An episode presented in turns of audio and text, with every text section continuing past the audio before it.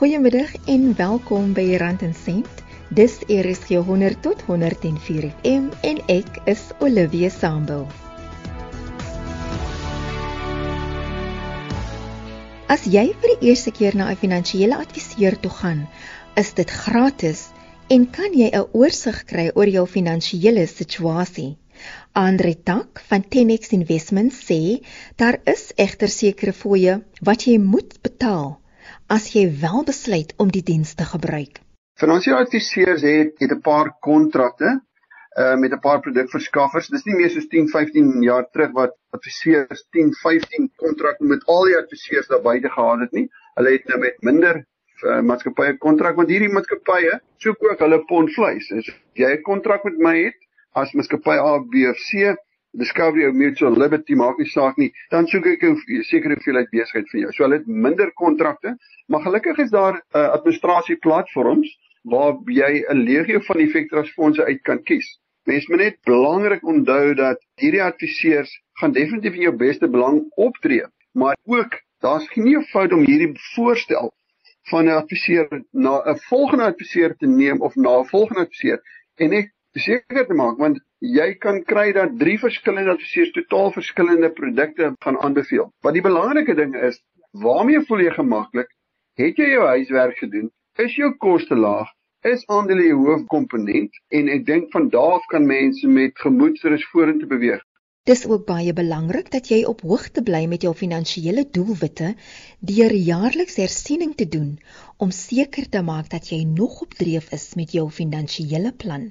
Daar's 'n legio finansiële rekenaars en hulpmiddels op die webwerwe van Suid-Afrikaanse Finansiële Maatskappye wat vir jou 'n idee kan gee of jy nog op jou doelwit soos van nou af 10, 15, 20, 30 jaar of jy nog tans met die hoeveelheid spaar wat jy wel toepas by dit gaan uitkom. Ons sê dat mense moet ten minste 15% van jou maandelikse salaris spaar oor 'n 40 jaar periode om een van daai 6% Suid-Afrikaners te wees wat onafhanklik te kan aftree. So dis 'n eenvoudige som om te maak. Sê ek is nou 30 jaar oud. Ek ontvang 'n bedrag van X per maand. Is dit 15% van X en is dan is dit 10% is of 7% dan weet jy eenvoudigste min. So probeer 15% oor 40 jaar om maandelikse salaris is die minimum bydrae wat jy moet maak. Daar is 3 riglyne wat jy kan volg. Hoeveel is genoeg geld om dan die dag by aftrede seker te maak jy het genoeg gespaar? En as ek hierdie drie voorbeelde net noem, dan val baie mense agteroor. Dan sê hulle maar ons sal nooit daarby uitkom nie. Die probleem is, jy moet so vinnig as moontlik probeer spaar. En as jy dalk eers in jou 30s of 40s begin spaar, hou daarmee aan. Maar weet ook die realiteit is dat jy langer sal moet werk. Dit is net eenvoudig so maklik soos dit. So ek gaan vinnig net gou die drie riglyne uitlig. 'n Algemene reël is dat jy moet 15 tot 17 maal jou jaarlikse salaris. Kom ons sê in jou laaste jaar verdien jy byvoorbeeld 'n miljoen rand as 'n werknemer. Sal jy 15 miljoen rand by aftrede moet hê as 'n enkel bedrag. So dis 'n voorbeeld. Dan sê ons ook vir elke 5000 rand inkomste wat jy wil onttrek by aftrede, sal jy ten minste 'n miljoen rand by aftrede moet hê. Soos jy 25000 rand inkomste wil hê as jy gaan aftrede, dan moet jy ten minste 5 miljoen as 'n enkel bedrag hê. As jy byvoorbeeld inkomste wil hê van 20000 'n maand, kan jy dit met die syfer 300 maal om seker te maak dit is die enkel bedrag wat jy wil hê. So dis maar net 3 eh, riglyne vir mense om seker te maak hulle bespaar genoeg. Maar al wil jy doen met minder as 'n miljoen en jou doelwit is om genoeg geld te spaar vir 'n gerieflike aftrede, is dit steeds moontlik om jou doelwitte te bereik as jou prioriteite reg is. Ek het nou in my jare ondervinding gesien, jy kry mense wat eerder hulle geld uitgee op alledaagse leefstyl aktiwiteite en dan kry jy hierdie stil persoonlikhede wat net baie baie doelgerig is. En dan is hulle die dag af afstreep 63 65 70 het hulle groot enkel bedrae en hulle is baie hulle was net eenvoudig begeesterd om seker te maak uit ondervinding met ander familielede in hulle verlede dat hulle nie dieselfde foute gaan maak nie. Ek klop altyd iemand op die skouer, sê wel gedaan, jy het baie goed gedoen, sy het baie goed gedoen met hierdie spaarprojek, want dit is nie 'n maklike projek nie. Maar die oomblik as jy verstaan die impak en hoe dit jou gaan beïnvloed, dan dink ek eh, en die die effek van saamgestelde rente op jou belegging oor tyd, jy sien hoe dit groei, dan dink ek mense het, het groot waarde vir wat hulle bereik het. Andre Tak van Tenex Investments. Selfs met die beste beplanning en die regte prioriteite kan dinge steeds skeefloop.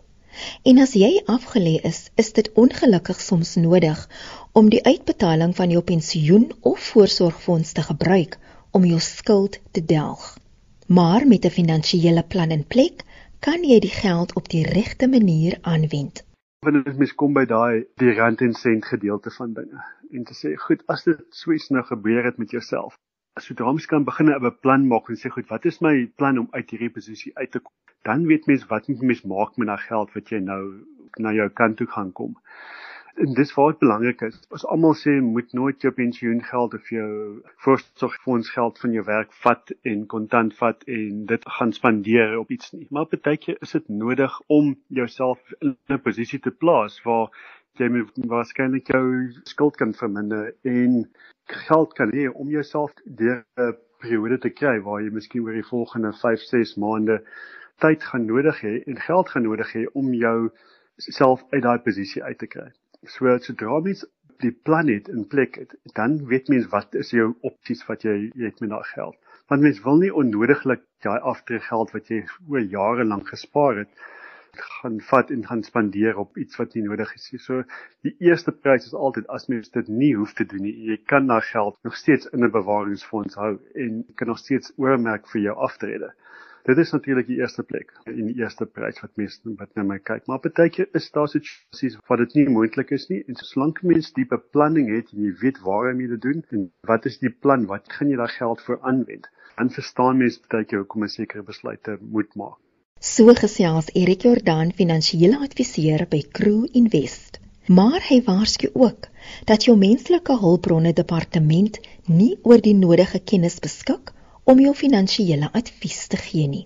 Daar mense het goeie intensies en hulle wil graag altyd die beste doen, maar dit is nie noodwendig dat hulle die regte of al die nodige kennis miskien het wat jou opsies is nie. En dis skielik belangrik is om met iemand te gaan praat wat 'n professionele persoon is en wat die nodige kennis het in daardie spesifieke areas. Dit is so belangrik om met die regte mense te praat. Moontlik, miskien in jou situasie, is dit die persoon in jou menslike hulpbronne afdeling werk Maar eh, as dit nie is nie, dan moet jy regtig gaan en gaan kyk en praat met mense wat professionele persone is en wat elke dag met hierdie tipe van situasies mee te doen kry.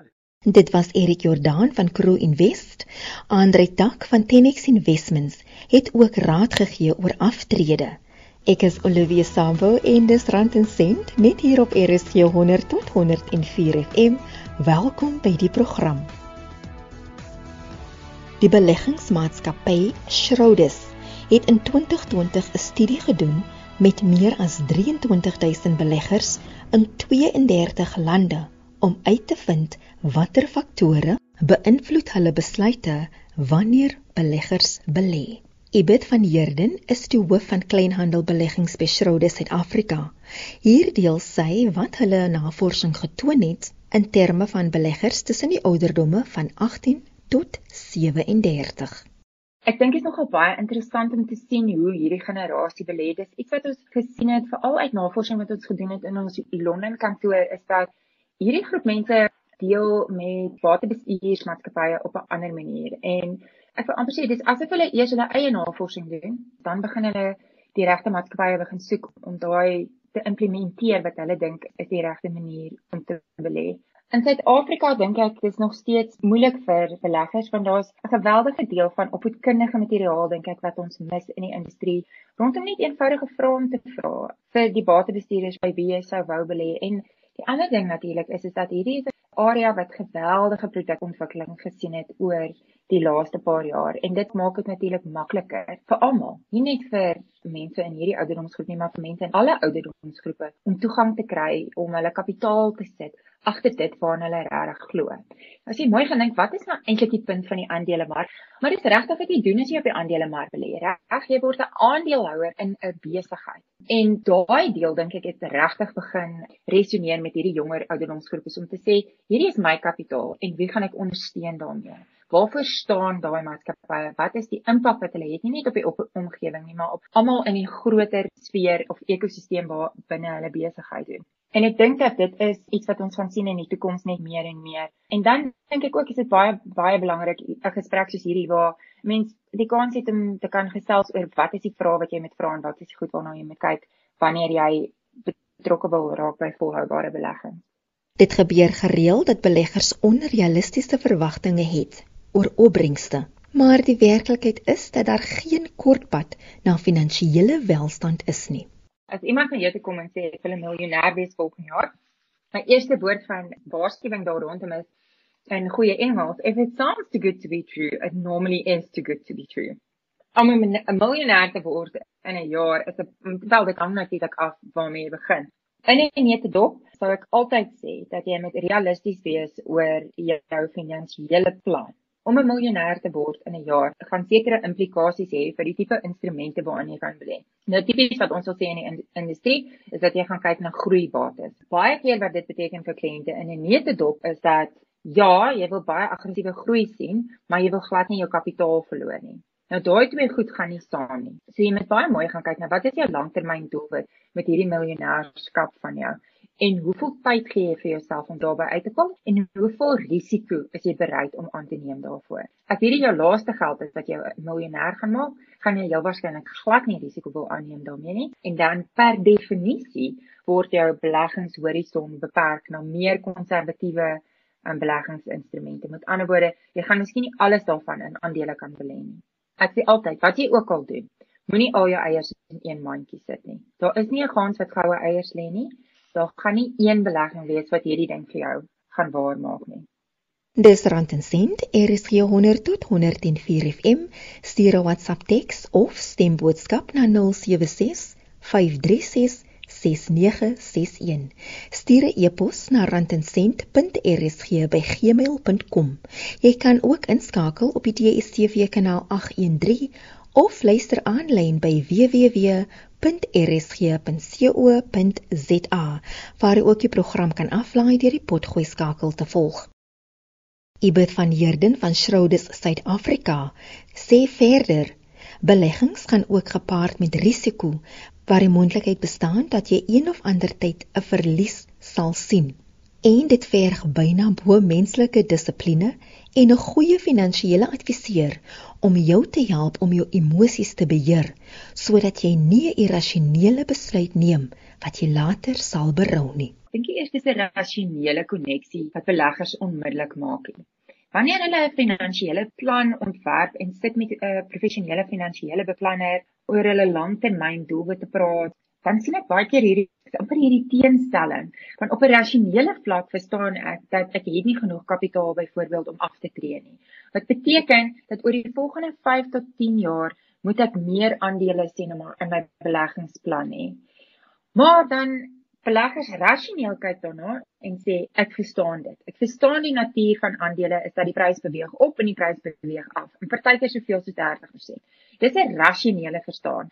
Wanneer jy dan na jou portefeulje kyk en jy sien o, maar dit is af met 30%, dan is al jou rasionaliteit by die venster uit. Dit is soos wanneer jy jou begroting optrek maar jou ontwerperskoene wat jy wou gehad het is nou 30% uitverkoping dan vergeet jy dat jy nooit geld op jou kredietkaart sou spandeer hierdie jaar nie, reg? Want daar's hierdie emosionele begeerte wat oorneem by alle rasionele denke.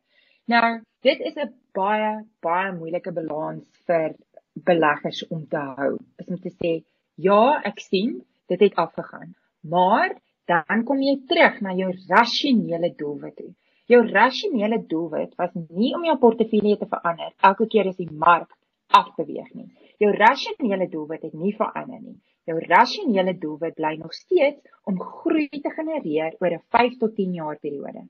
Omdat jy in die eerste jaar van daai periode nie die opbrengs gekry het waarvoor jy gehoop het, beteken nie dat jy dit nie gaan kry oor 5 of 10 jaar. En dit is baie keer waar beleggers hulle self in 'n knie skiet, wil ek amper sê, op daai emosionele reaksie te reageer en dan terug te kyk. Daar is 'n gesegde omtrent beleggings wat sê Die opbrengste wat jy in die verlede geniet het, is glad nie 'n waarborg dat jy dieselfde winste in die toekoms sal maak nie. So dan gewoonlik omdat ons nou bang is vir die plek waar ons is, nou kyk ons terug oor wat sou beter gewerk het. In Suid-Afrikaners geval is dit baie keer as jy gaan kyk dat dit vir die aandelemark vir jou gegee het, heidaglik kyk jy na dit wat kontant vir jou gegee het, wat nou op 'n baie ander plek is. En dis belangrik om dit te onthou, maar dit is tipies wat beleggers doen. Ek het bang vir wat nou is. So uit vrees kyk ek terug na iets anders wat beter gedoen het en dan wil jy daai instrument kies. Maar daai instrument wat nie deel van jou plan vir 5 tot 10 jaar.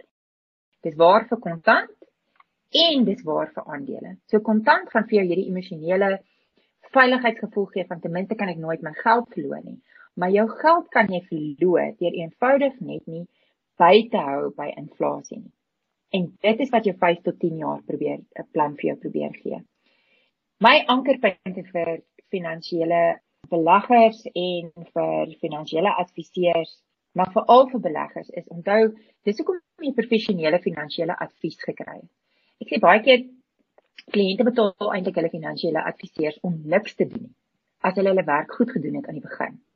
Met ander woorde, as jy jou finansiële plan volgens jou kliënt se behoeftes ontwerp het, reg en deeglik met vol deursigtigheid aan beide kante van die lyn, dan vir die volgende 5 of 10 jaar as jou doelwitte nie verander nie, moet jou finansiële plan nie verander nie. Dit was Ibet van Heerden van Schrodes Suid-Afrika. Andre Tak van Tenex Investments en Erik Jordaan van Crew Invest was ook deel van die program. Ek is Olivia Sambo vir Rand en Sent op RSG 100 tot 104 FM. Dankie dat jy ingeskakel het. Die program word weer Woensdagoggend om 04:30 uitgesaai. Totsiens tot volgende week.